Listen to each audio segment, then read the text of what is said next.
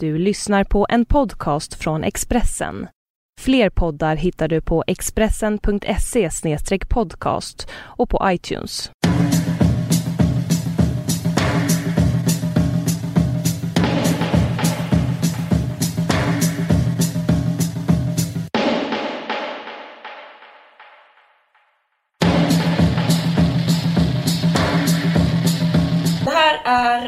En Vargsaxen-podd med Liv Strömqvist och Caroline Ringskog Ferrada-Noli. Ferrada Noli. Vad gör du? Vad gör jag? Jo, jag har faktiskt um, kollat en hel del på TV på sista tiden. Um, Jag har liksom inte fått igång internet i min lägenhet så jag kollar på så här, um, alltså jag måste kolla på vanlig TV liksom hela tiden. På rätt Ja. tid och sånt. Det är så här länge som man gjorde det men typ så här att försöka passa tiden till Så mycket bättre. Typ så i mitt liv nu. Det är som en 40-talist. För att, eh, alltså, så, jag, jag har också gjort på sista tiden på grund av att jag bott hos 40-talister. Det, det är väl mysigt på sitt... Det har sin Varför har du charm tycker bott jag. hos uh, 40-talister? Förklara för lyssnarna. Eh, jag behö- alltså, alltså den korta historien är att jag behövde dra mig tillbaka. Eh, Mm. och då så... eh, Bara tog du några sköna 40-talister du träffade på gatan? Flyttade Nej, in? det är, det är min moster. Ja. Eh, eh, och det, alltså det livet är så jävla gott. Alltså, alltså hur 40-talisterna, hur de har ordnat för sig själva. Det är helt Ja. fantastiskt. Berätta. De bor liksom i, de bor i helt underbar villa i Kristianstad med liksom plommon och äpplen i trädgården. De äter regelbundet varje dag. De, eh, de har jättebra teknik, jättebra TV, de har jättemycket mat i kylskåpet. De är liksom pensionärer, de är lediga och de typ bara läser böcker. Och Vad eh, de ser Och de tittar på eh, liksom typ Skavlan klockan nio på fredagar ja, liksom- och... fredag, la, eh, Skavlan på fredag, Ja. Även Idol kollar de på och sen så på lördag Så mycket bättre. Så att... Eh, Det kommer jag ihåg Ja. var en sån, ett sånt problem med Idol, att Idol, att det var så här, att när man gjorde väl, för man liksom, det som alla TV-kanaler vill, det är ju liksom att unga människor ska kolla på TV. ja, precis. Och ja. sen så var det typ en sån grej med Idol, att de trodde typ att Idol var ett ungdomsprogram, men typ om man kollar på så här medelåldern på de som kollar på Idol så är det tydligen så här 50 typ. Eller liksom det var typ en viss kategori som var väldigt populär i Idol, att det blev så här alltid så här en viss typ av så söt ung kille som gick vidare. Och det är då för att det är typ mammor som kollar på Idol. Jag rekommenderar det livet till alla våra lyssnare för att alltså, psykologer, eh, som vi alla har, alltså, säger alltid att man ska ha struktur. Mm. Och att se så här på TV på ett regelbundet sätt är ju... Det är som att ha ett schema som gör att man inte behöver tvivla på finns Gud, alltså typ sådana saker. Utan man får bara, man bara klockan nio är det Skavlan. Du vet, alltså det är väldigt så här trygghetsingivande. Mm, men jag måste också säga att jag gillar att kolla på TV, alltså på riktiga TVn på en viss tid också av skälet att det gör att jag känner mig som en del av en helhet typ. Jag tänker så här, här sitter jag Ja. och kollar på Skavlan och samtidigt så sitter en ma- massa andra människor i Sverige och tittar på det och vi, vi upplever någonting eh, gemensamt. Så kan jag känna. Jag vet, Att man är en del av samhället. Ja. När man ser så här fyra på natten mellan lördag och söndag, då känner man ju sig snarare som en eh, liksom totalt lös liksom. Då bara... Eh, nej, det är sant. Vi drack årgångsvin och då var Mm. klockan inte ens klo- sex. Ja. Så ma- maten var, vi hade ätit färdigt typ kvart över sex. Alltså det var liksom, ehm, ja det var bra. Men berätta, vad har du sett? Har du, jag har sett Skavlan, har du också? Ja, jag har sett Skavlan. Eh, Ja. Fast jag, eh, jag såg faktiskt inte det i realtid, just Skavlan. Men eh, Skavlan, jag har sett Skavlan eh, när Svennis var med. Jag såg också det. ja. Jag blev Är så orolig. Ja, jag är fan eh, alltså, som the guy next door. Alltså, alla är väl rätt intresserade, jag är det. Men eh, det, jag blev så orolig för att det var så mycket kvinnliga gäster förutom Svennis. Jag tänker att jag tänkte bara nej, han blir kär. Jag jag blev så rädd att han skulle bli kär i alla som kom in genom... eh, han blev så, här, så lätt kär. Ja. Så att eh, jag tyckte det fanns en slags eh, konflikt och liksom han höll med de kvinnorna om allt vad de än sa. Alltså man bara, nej men, Men hans, eh, men är inte hans kvinnosmak så här? Hans Mm. kvinnosmak är ju det som man skulle kunna kalla för så här Loredana-kvinnan typ. Alltså typ the mad woman. Alltså han gillar ju så här. det är liksom det som Svennis inte kan leva utan.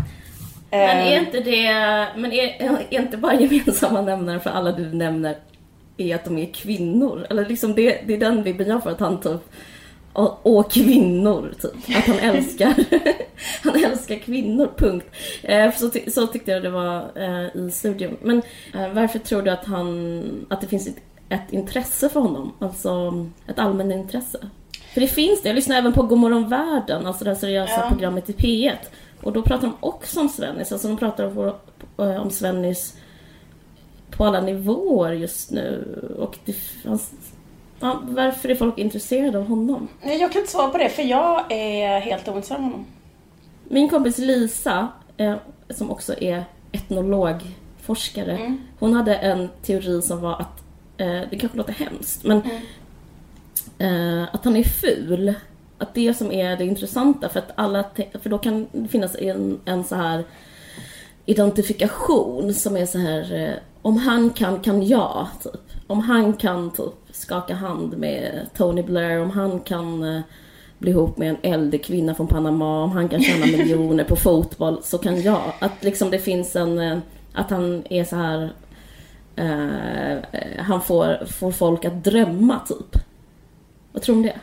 Eh, Jag tycker inte att han är så ful. Jag tycker att det skulle vara, alltså att man skulle behöva någon som hade ett mer utpräglat fult utseende. För att få den känslan att vem som helst... Mm, han rätt, han, men han är ju inte så här eh, Men det är väl det att han, kommer, att han är svensk kanske då mer. Att han är så typ en töntig gubbe från Värmland. Åh kolla han kan vara i det här Ah. sammanhanget liksom. Att typ så här, åh, han ser ut exakt som en sån gubbe som klipper gräset på en sån motor eller sån gräsklippare på ens grannes tomt. Liksom. Det är den stämningen. Ja, ja typ så här Svennis eh, eh, makes dreams come true. Typ så här eh, den här, den här tjocka dialekten som man bara, men gud. Typ, eh, alltså typ, han pratar den där värmländska och liksom så. Ja, Typ Värm, Värmland i Panama liksom. Att eh, just det. han får en att eh, think, typ tänka större typ. Alltså jag vet inte, det är inte ens min teori. Jag bara, jag bara har, jag har inte själv någon som helst teori. Känner du bara- att dina drömmar kan bli sanna när du tittar på Svennis? Alltså lite, men jag är väldigt så svag för visdomsord. För Icona Pop sa ju så här, det handlar väldigt mycket om självförtroende, alltså det här är så banaliteter. Jag bara, fan vad intressant.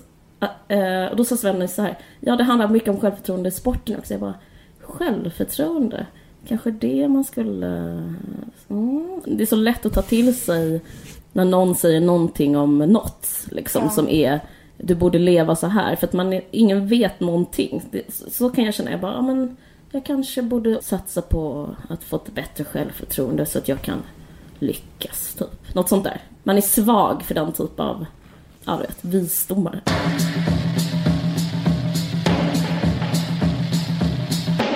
En annan, ett annat program som jag har sett det är Så mycket bättre.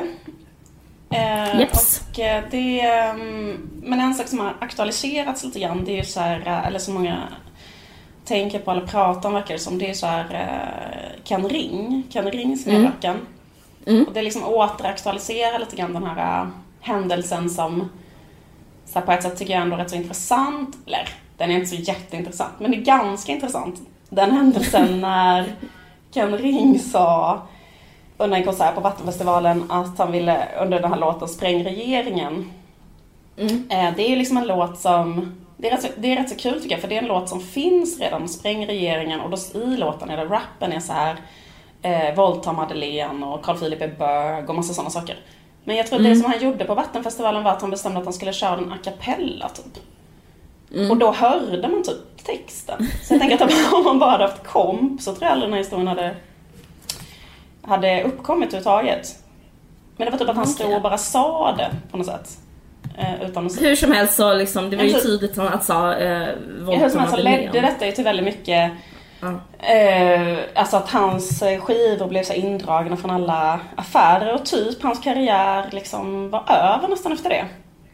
Ja. Det gick ju väldigt snabbt liksom att han bara så här, eh, Men jag tycker det är en intressant, det är en rätt intressant händelse ändå för den är typ så här, Den påminner lite om eh, eh, Eller den påminner ganska mycket om till exempel Lars Vilks eh, rondellhund. Alltså det att man typ så här tar något som är heligt för andra människor och så skändar man det. Och så blir det liksom en fråga om så här får man göra? Men skillnaden är att Lars Vilks liksom skändade, gjorde konst som liksom eh, skändade något som var heligt för muslimer. Och liksom det som Kan Ring mm. gjorde var att han liksom skändade på något sätt det som är mest heligt för svenskar. Mm. Alltså mm. Madeleine. Alltså så här eh, att säga så om Madeleine är liksom inte alls okej i Sverige såklart. Nej. Men diskussionen var ju inte, liksom, så diskussionen som följde var, handlade ju inte om så här konstnärlig yttrandefrihet direkt. Efter det som Ken Ring gjorde. Utan Nej, det bara... alltså, jag skulle beskriva som att han blev väldigt fördömd. Ja, precis. Han blev uh, fördömd. Ja, precis. Det var bara, bara det som hände liksom. ja, precis. Och det, liksom, och det, och den, och det har ju fortsatt. Och, och också då att han Eh, alltså det är så, jag kan tycka att det är lite comedy det där, hur, bli, alltså hur blind man är här, i sin egen kultur för så här, Alltså att man kan vara så här, alltså att samma människor kan säga så här, ja det är så himla viktigt med yttrandefrihet, man måste i konstens namn kunna säga och göra exakt vad som helst. Fast där mm. bara det inte är ens egna heliga personer eller människor man själv kanske älskar eller värnar om eller har sett som mm. har små eller liksom så här, Eller den relationen som liksom svenska folket har till Madeleine, liksom att det var så obehagligt att någon kunde säga så om henne. Att det kändes väldigt, liksom, och det är ju obehagligt att säga så om henne, det, det tycker inte jag men det är bara intressant den här grejen att det liksom är så himla olika reaktioner på något sätt. När någon skändar ens egen helighet liksom. Men hur som helst, ah. så det drog sig liksom till en jättetydlig gräns. Och nu igen så har det återaktualiserats där att han sa våldta Madeleine. Eh, och liksom det är fortfarande en debatt kring det.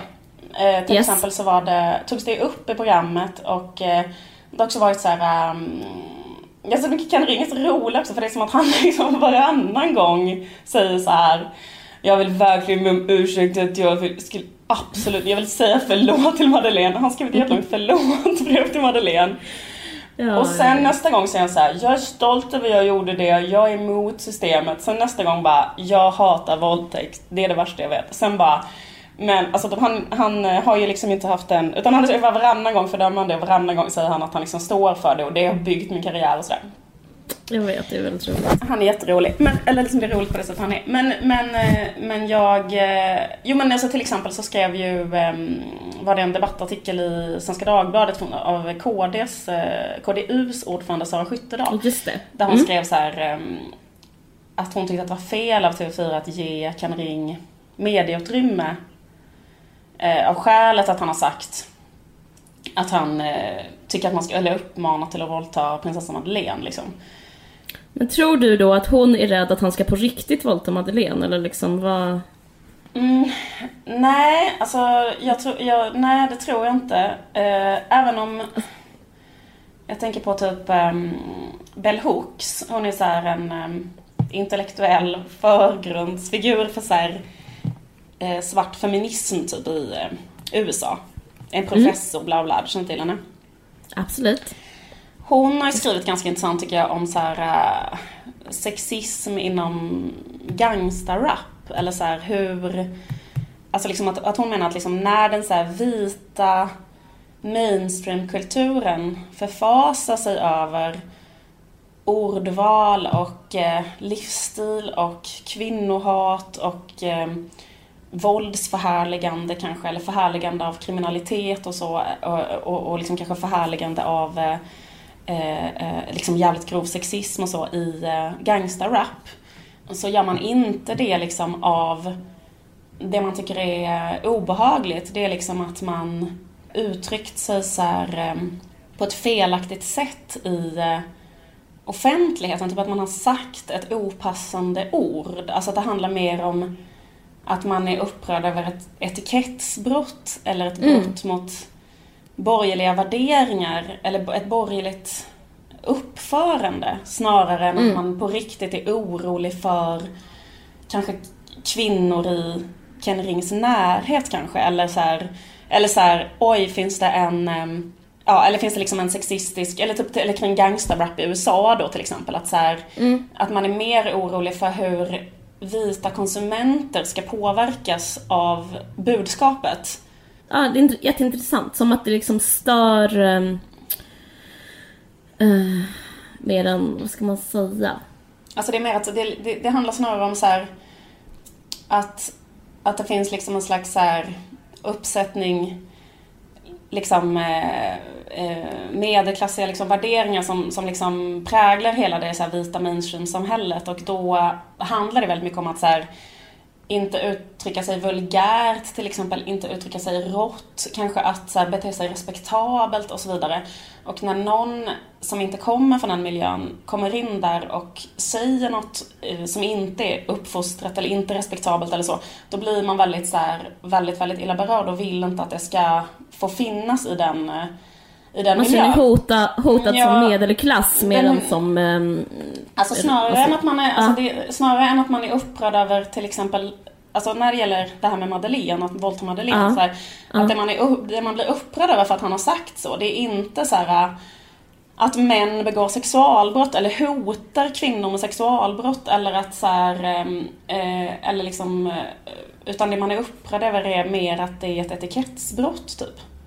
Ja, det fan vad intressant. Eh, jag har aldrig hört det där förut. Det, det, men det är klart att det är så. Alltså för att det finns ju, det finns ju inget reellt hot. Liksom. Det, det är ju att han, det är att han liksom um, lever rövare som är så himla störigt, tror jag Ja. folk tycker. Ja. Men han är ju väldigt så här komisk på det sättet att han liksom så här säger ju hela tiden saker som då inte är eh, accepterade i någon slags så här mainstream eh, Han är medialt. hipster. Nej precis, exakt. Och då, och då säger han, eh, alltså jag läste bara så jävla kul, jag måste bara säga vad han har sagt också, apropå att inte Alltså jag tycker, jag tycker inte att man ska hota kvinnor med våldtäkt, måste jag understryka. Och jag tycker inte att man ska använda bög som ett negativt förstärkningsord och hit och dit i det oändliga. Men det är också intressant, alltså vad, vad ska man säga? Han är ju en typ en idiot, men han är också i ett samhälle av idioter. Och de som fördömer honom är också idioter, vad jag menar? Och han Ah. själv är också dum Alltså liksom, det blir, det blir som en sån... Ja, Ja, absolut. Eh, Men, men jag tycker det är kul också att han har skrivit till exempel eller en annan grej som han har blivit såhär, jag bara tycker det är roligt hur han är. Han har typ såhär fördömt, en annan, en annan skandal han var i var att han kallade artisten Petter för jude på Instagram. Jag måste bara eh, citera. Det står så här till exempel.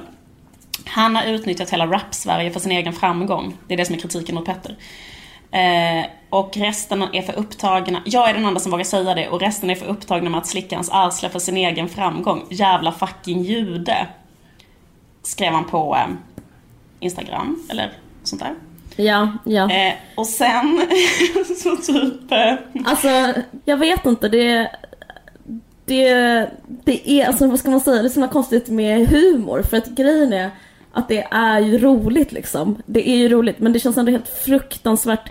Eh, jag måste ändå så här, eh, vi måste, jag vill ändå att vår podd tar väldigt starkt avstånd från att eh, ha jude som skällsord. Det är Ja, ja, alltså absolut. Kristall, det- du vet den här, mm, heter det, novemberpogromen och allt, alltså 75 år. Alltså jag bara känner att det Ja, gud, ja, vi måste, vi måste men- vara tydliga med att vi är jätte, jättemycket emot det. Men, men, men det är någonting... jo, jo, jo, jo. Det är alltså, sjukt att jag, jag typ så här, jag skrattar. Men, Men, det är men, att det, är, med... men det är inte klart än, för Ja. du måste bara... Nej, okej, alltså, okej. Det är typ inte så här ens eh, vad som typ så här. Men grejen är så att då Okej. svarar han så här, och då skriver han så här.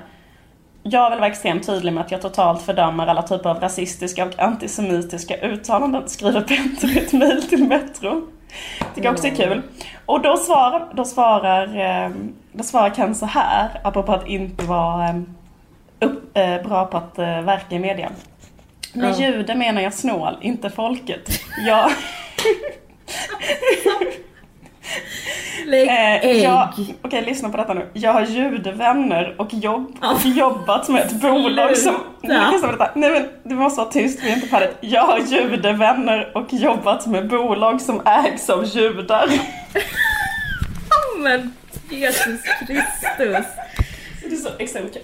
Nej men det är han liksom äh, gräver sin egen grav och trampar i klaveret och allt det där. Fy fan vad sjukt. Jag jobbat med det här uh, judeägda bolaget så att jag är inte antisemit. Jag verkar i ett samhälle som är ägt och styrt av judar. Men gud vilken jävla idiot. Jag är ju judinna så jag tar det rätt så illa vid mig. ja, just det. More, more or less, give or take. Min mormor kvarterade. Du, du känner en judinna. Ja just det, jag kan säga det. Om någon skulle anklaga mig för antisemitism. Jag säger så här, men jag är, har en podd med en jude. Det är precis ytterligare ett exempel på att judar dominerar media. Är det att du har den här podden?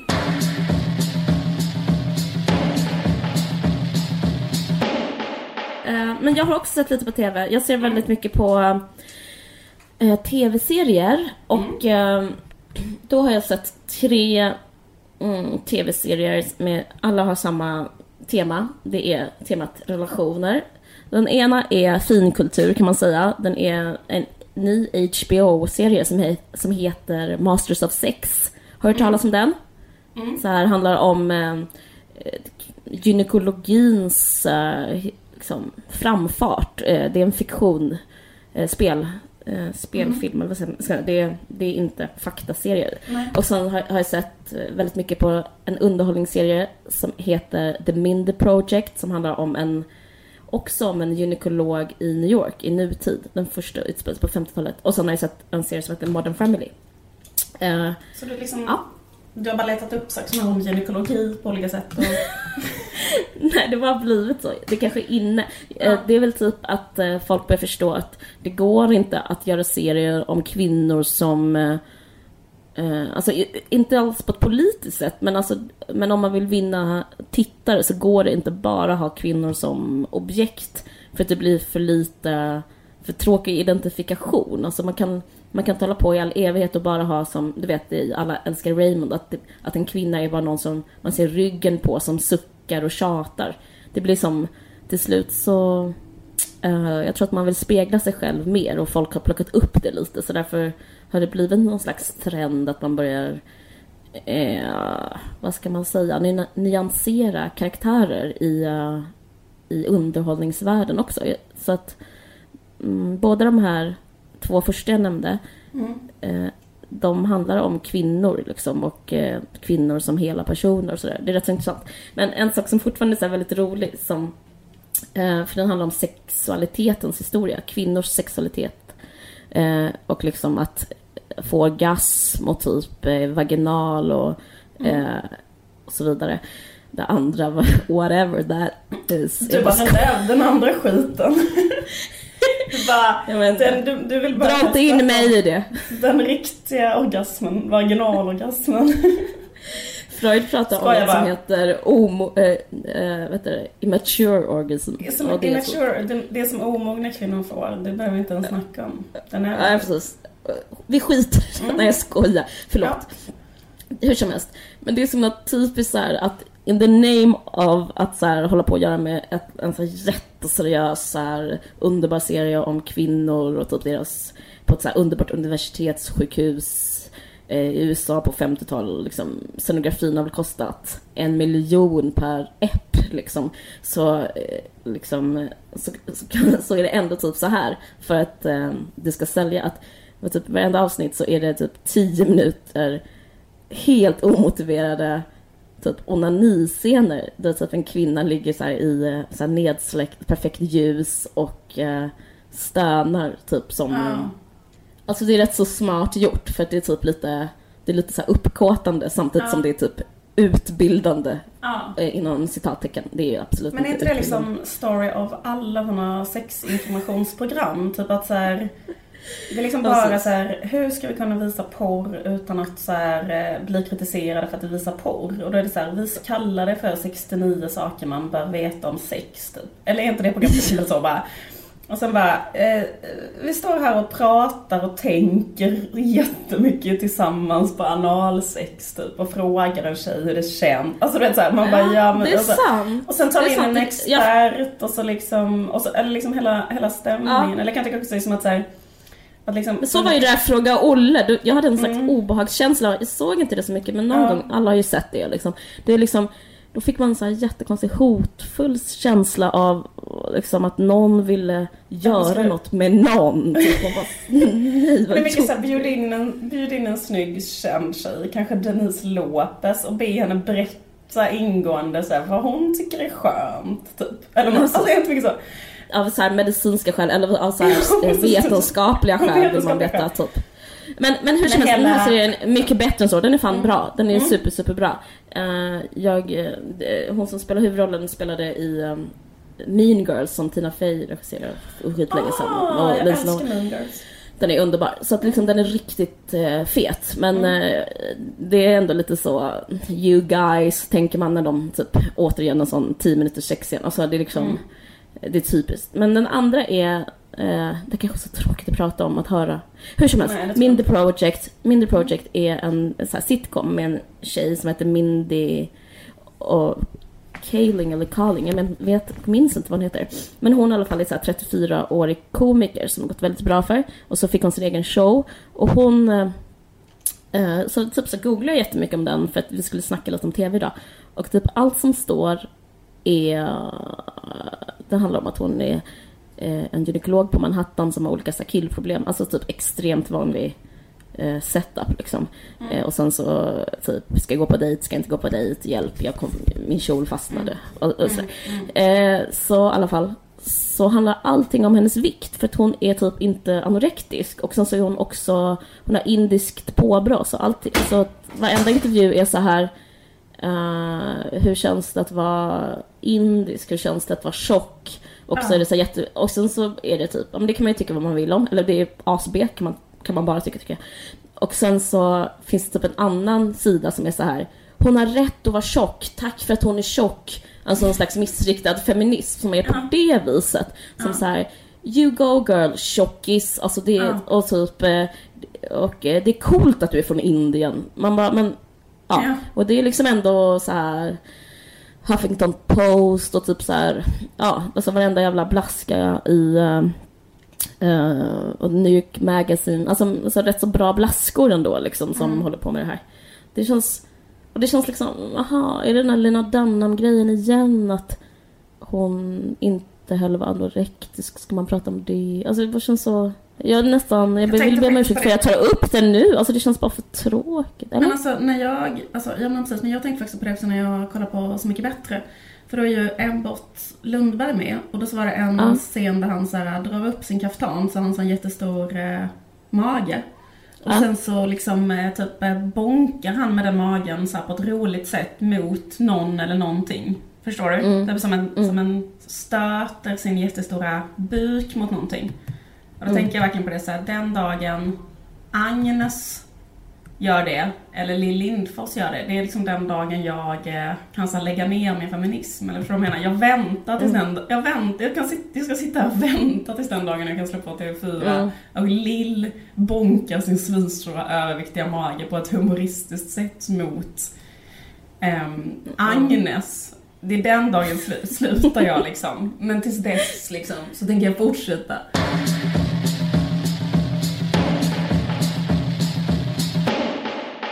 Och den tredje tv-serien jag ser är Modern Family. Har du sett den? Mm, alltså, lite grann. Um, Al Bundy är med. Ja, som var det. med i våra Det är första han. år. Är det det som är den moderna familjen? Att Al Bundy är en pappa? är en större pappa? Han är ihop med typ en 30-årig yngre het latina. Är det det som är Mo- Modern Family? Det kan Så vara vet jag inte vad som... är det därför du kollar på den? För att Det det är med en het 30-årig latina? Eh, det var du som, Som du sa det. med? Ja, men det. Det är kul för mig också att, att någon gör en tv-serie om mig. Men... ehm, Brukar eh, du så här stå med så här, dansa lite salsa med stilettklackskor jag, framför eh, tv-serien och känna att det är härligt att bli representerad? ja, det, det, jag brukar typ så här ehm, ta mina dejter till så här olika ställen där de serverar chili och sen kommer jag säga typ så här eh, nu ska du få vara med om en resa och sen så typ eh, äter vi så här het mat och skrattar och sen så går jag ut och dansar. Och det är kul att få se det också på tv ibland. Eh. Är det så här när du har en dejt med någon att du står så här och eh, lagar eh, jätte jättepassionerad, att du är jättepassionerad i köket och att du står och Äh, gör ja. så här, att du så hackar chili och blir så svettig och het och på dig ett förkläde och dansar cha-cha framför spisen. Nej du vet Okej, ingenting. här, jag, man skulle aldrig dansa och- cha-cha framför spisen. Men jag brukar typ stå så Och här. lägger otroligt mycket kärlek i maten och uttrycker det genom din heta, alltså att den heta passionerade kärlek för en man får liksom få sig uttryck i din chiligryta. Jag brukar ofta stå i så här urringat och, så, och sen så av någon jävla anledning så är det som immigt i köket. Och då så Ja. brukar det typ eh, kondensera så det liksom eh, så här, ehm, Stora droppar Stora. Ja, det samtidigt som jag svettas lite lätt i pannan så det är så här, mitt svarta långa hår lockar sig runt mitt ansikte. Och eh, så står jag så här och skrattar och svär och ler och sen så typ serverar Står jag så här med en jättestor chili i jag handen? rör, alltså, pl- jag, jag rör och rör och rör. Och sen säger jag så här till Så min man, så eh, eh, mannens, ehm, eh, vad heter det, liksom, vägen till mannens hjärta går via magen. Och sen så, har jag, sen så tar jag den här stora sleven, träsleven och trycker i, i han, in i hans mun. Tar du en stor chili som är så stark så ingen vanlig svenne skulle våga ta en tugga av den och så Ja. tar du en stor en sån stor fallosliknande chili och tar ett stort bett med dina så plutande läppar och bara smaskar i dig och är så här, du har inga problem med mat utan du äter gärna. Ja. Jag, alltså jag äter, precis och jag, eh, jag vet ju att män gillar så här eh, kvinnor som äter, kvinnor man kan, ja hur som helst, jag vi måste sluta för Gillar- Sve, gillar att man Svennis kan. Svennis kan lyssna, Svennis kan lyssna så att vi måste jag ska sluta. Säga, jag ska bara säga en sak till. Efter att vi läste den här Karl Johan Johanssons krönika så vet jag att killar gillar mest smal midja och stor röv. Ja. Enligt statistik tydligen. Ehm, men det är ju inte någonting man behöver säga till... ehm, Till Svennis. Eh, va? Till dig? Till Svennis. Du lever den vetskapen varje dag. Nej, försöker du Förlåt. säga att jag har stor röv? Det är så, det är så over the line. Först det här med jude och sen så nu det här. Gud vad sjukt sagt. Ja men just det, du är också judinna. Du hade två grejer gånger om parallellt. Det är dels att vara så här Anne Frank intellektuell. Sexig judinna. Nej! Jag vet hur det är. Det är som en blandning mellan Elaine och Penelope Cruz. Tack. Neurotisk, eh, fast eh, och, och äter chili samtidigt. Och sen så, bara, sen så bara, är det bråk på gång, då kommer jag kasta tallrikar i golvet. Ja, men, Fast kanske inte så många tallrikar för du är ändå lite snål. det fula personet. Hur som helst, eh, hur som helst, jag måste, jag, vi skiter i det där nu. Jag måste säga, Mm. hela den eh, krönikan, han kan bara fucking dra åt helvete och sluta. Han ska ju sluta säga någonting om något, eller? Jag ska fortsätta, Absolut. vi, alla Vi fortsätter nu. Modern Jag tyckte Family. det roligaste var, fast jag säga vad som jag tyckte var Okej, roligast, det var ja. att man så här, jag brukar inte prata om det här för att jag brukar mest skriva krönikor om Reinfeldt och nu för första gången ska jag skriva någonting om kvinnor. Och då var det så här, min flickvän brukar säga det här, för att min flickvän är i branschen. Det tyckte jag var kul. Alltså att hon har flickvän i modebranschen. I det. Så, betyder det att hans flickvän är smal? Eller jag förstår inte. Mm, precis, nej men typ att han, han har säkert en flickvän som är en fashionista. Men det var så här, typ så här, jag, nej skit i det nu och hans. Okej. Men du pratade om något helt annat, Modern Family. Ja, nu är ju kanske, nu värsta uppbyggnaden, det är kanske inte så fett, men det jag skulle säga, det jag skulle säga var att eh, det finns även ett bögpar. Och, jag, det, och det bögparet gör mig lite ledsen. Eh, för det är så tråkigt att behöva säga bögar på TV. Nej, det är inte därför, utan för att det är så deppigt, för alla så här eh, intriger handlar mycket om kärlek och sex i den här Modern Family. Och alla får, och de får hålla på med så här och nej, nu kom barnen, eh, smög barnen in när vi typ skulle ha ett äktenskapligt sex och, och eh, jag orkar visst, jag äter Viagra och, och så vidare och så vidare. Men de, det här bögparet, de får typ bara säga så här de, får, de kramas hela tiden. De ger varandra så här jättemycket så här klappar på axeln hela tiden.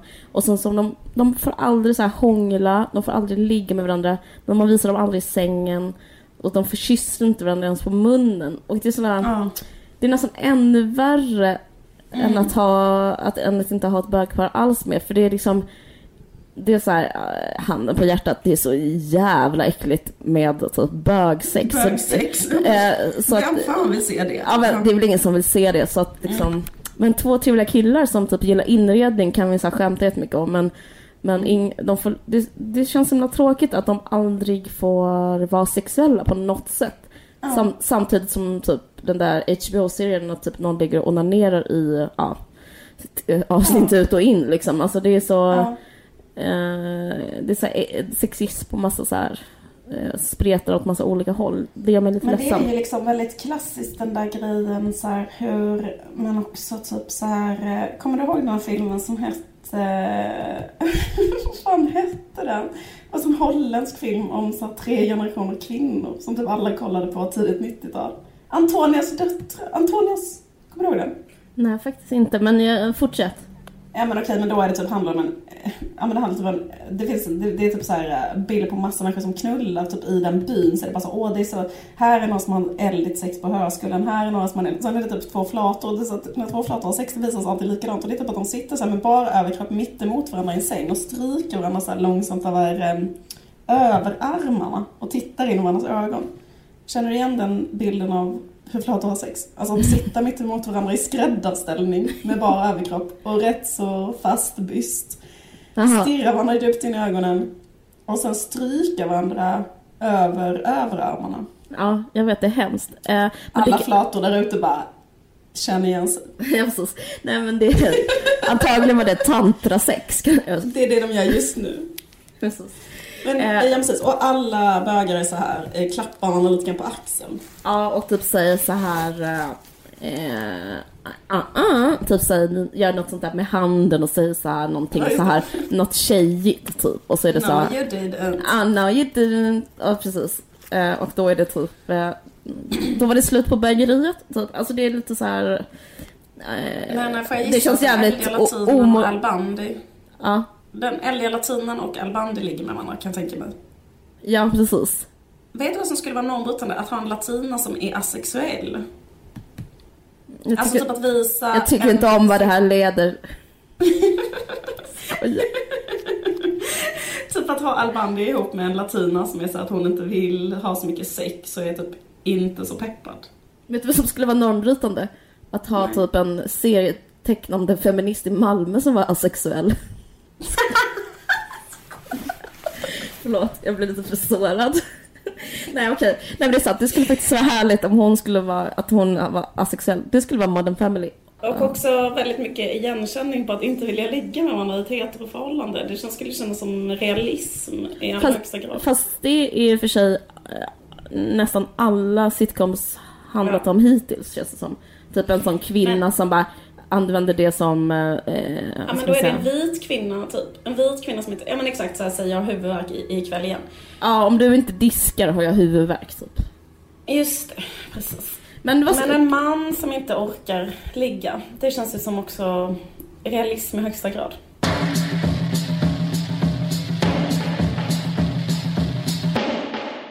Ja, men jag tänkte på en annan sak om vi ska återknyta knyta ihop säcken och prata lite grann om, mer om Ken Ring. Eller alltså Ja. den här eh, situationen att ehm, väldigt många var väldigt upprörda över att just, eh, eller att Ken Ring sa att han ville våldta, eller uppmanade till att våldta Madeleine. Mm. Att ehm, det är intressant också med den där, eh, alltså jag tänker också liksom att man kan fundera över sin egen, eller att saker och ting, varför saker och ting väcker så starka reaktioner, att också ha att göra med liksom jättedjupgående liksom kulturella mönster som man bara liksom trycker på, en- alltså som en, liksom som en autopilot. Alltså det finns ju så himla mycket Alltså, jag tänker så här på att, att det är rätt så viktigt som vit eh, människa att, och som, liksom, att man, vet, att man liksom känner till sin egen historia, alltså rasismens historia. Och då tänkte jag på en sak, alltså den där, eh, den där eh, stereotypen eller skräcken för att eh, liksom en hord av farliga svarta män eh, som typ hotar så sårbar kvinnlig vit femininitet.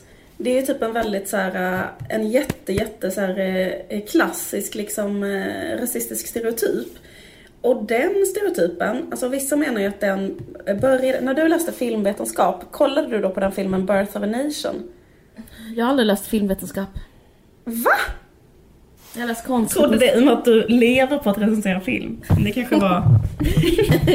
det kanske är fel av mig att tro att man behöver en utbildning för att göra det. Jag har läst litteraturvetenskap och konstvetenskap. Plus Ja, gå- ja. gått en treårig utbildning där jag i och för sig läst om film. På DI. Men, eh, men... Eh, Skitsamma, men typ en så här, ja men då kan jag berätta det i alla fall. Men typ så här, det liksom, typ en av de så här, eh, mest liksom framgångsrika, eller så här, som har haft störst betydelse överhuvudtaget för liksom filmen, långfilmens utveckling och så. Det är en stumfilm som heter Birth of a Nation som gjordes 1915. Som har så här jättenyskapande klipp och bla bla bla. Som är så här extremt rasistisk. Men man typ visar alltid den på filmvetenskapen och så. Den gjordes, den handlar om amerikanska inbördeskriget. Och sen så liksom efter att amerikanska inbördeskriget upphör så är det så här i filmen att eh, svarta och mulatter, typ en ond mulattledare, så här, tar över eh, liksom hela södern och då börjar de också så här, skända vita kvinnor som så här, ett inslag. Det är en sån här jätteond eh, mulattledare typ som håller en ond kvinna fången och så. Och den Mm. filmen liksom var typ en av de så här, dyraste produktionerna liksom, på den tiden, jag vet inte vad liksom, men och den så, var så jävla sedd i USA, alltså detta är Mm, ju 1915. Och fick sån jävla spridning. Och efter att filmen liksom hade premiär så åter... För grejen är att det som händer i filmen är sen att den lilla vita förtryckta minoriteten då som har blivit, alltså efter att slaveriet upphörde så blev de minoritet och blev förslavade och så. Då är det en sån liten vit motståndsgrupp som startar Ku Klux Klan. Och sen så fördriver de alla svarta ur en eh, stad och fritar en sån vit kvinna som varit fånge hos den här onda ledaren. Och eh, efter det, efter att den filmen hade premiär så återuppstod Ku Klux Klan i USA liksom. Eh, så att den hade liksom jättestor, alltså den gav väldigt mycket bränsle till så här Ja. eh, Ja, ny, ny liksom radikal rasism. ja. Nej men det är alltid så. Det är liksom, det blir så fucked up. Det är liksom, så är det nu också. Nu ska inte jag säga någonting för att jag inte själv ska göra samma sak. Men det blir liksom inspirerande liksom med, bara man ser det, att det finns liksom. Jag bara kan tänka så här mycket kring, eller så här liksom hur man tänker som en del av the white supremacy. Eller liksom, förstår du vad jag menar? Alltså typ så här, det kommer från Birth of a Nation typ. Hur man, alltså hur alla liksom tänker typ. Ja men typ Beverly Skeggs, den här äh, sociologen, alltså hur hon också har beskrivit, alltså så, eller hon har forskat om så här, hur arbetarklassen alltid beskrivs och då har hon så här, eh, skrivit, tycker jag, jättebra beskrivning också, att, att arbetarklassen har genom historien ständigt beskrivits som farlig, förorenande, hotande, revolutionär, patologisk och respektlös. Eller att det är så icke-respektabel. Att de klyschorna liksom, eller jag tycker liksom att mycket av det här äh, kanaliseras i så här alla beskrivningar av ehm, till exempel av Ken Ring nu, eller förstår du vad jag menar? Typ att Ja, det visst, finns liksom, ja, så, alltså att det liksom blir ett så här fil, liksom Ken Ring just nu liksom ett fil, även om jag kan på ett sätt tycka att alltså, det är helt ointressant vem, egentligen är det helt ointressant vem han är eller vad han säger eller vet bla bla bla. Mm. Det är bara så intressant att se så här hur vår egen så här, rasistiska historia så här, filtreras i- i honom just nu på något sätt. Verkligen. Släpp, släpp på spaningen. Ja, eh, tack för den spaningen. Jag tror fan det, fan mig, det var den bästa... Alltså, Det bästa hört sen jag konfirmerades. ja, nästan, nästan. Alltså det är liksom någonting som inte... Ja, det var, det var fan god spaning. Eh, Jag, men, men du... Du behöver jag- inte hålla med mig för det är så pinsamt, så du kan säga emot istället. Tack! Ja. Eh, nej, tyvärr jag kan inte säga emot. Jag tyckte, jag tycker det var väldigt intressant. Du är, du är min ehm, master, jag är din slav. Slav. Nej, jag skojar. Jag skojar. Thank you master, thank you master. Ehm, Massa. men du, var- men, men, nej, men vänta. Eh, ska du säga det där? Eller, eh, jag kan säga, Mm. ni har lyssnat på En varg söker sin podd. Det är ett samarbete med Expressen Kultur. Eh, vi, eh, musiken i början gjordes av Vit Päls och ni kan lyssna på Expressen Kultur eller på iTunes. Ha det jättebra allihopa. Du har lyssnat på en podcast från Expressen. Ansvarig utgivare är Thomas Mattsson. Fler poddar hittar du på expressen.se podcast och på iTunes.